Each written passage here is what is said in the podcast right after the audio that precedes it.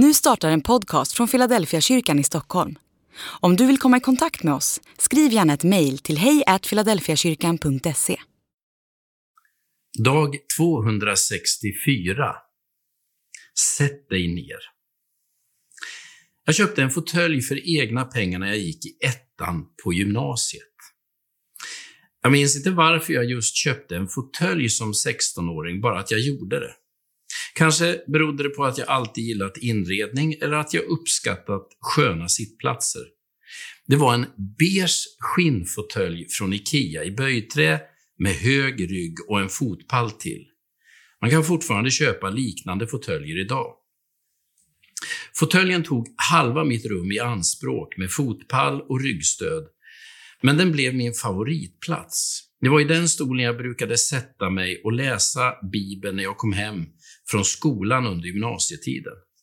Jag kan fortfarande minnas hur jag plöjde Jesaja-boken i sällskap med Erik Bernspångs bibelkommentar sittandes i min IKEA-fåtölj.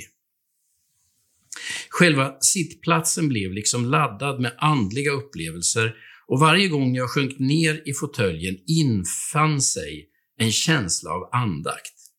Det var som om själva fåtöljen blev bärare av viktiga andliga insikter och upplevelser. Varje gång jag satte mig påmindes jag om vad Gud sagt och gjort i mitt liv när jag suttit i fåtöljen.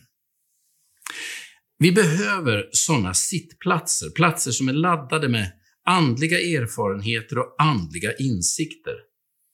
Det handlar inte om att just sitta. Det handlar om, men det handlar om att återvända till en plats som man liksom gör till sin och där man ger sig tid och tillfälle att ta emot undervisning och öppna sig för Guds inflytande. När jag läser om Maria så tänker jag på min IKEA-fåtölj.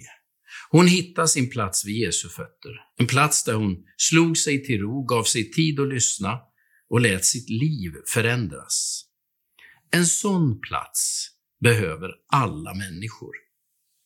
De flesta av oss behöver ha ordningar och strukturer, platser vi sitter på, rutiner vi upprepar. Var hittar du din plats vid Jesu fötter?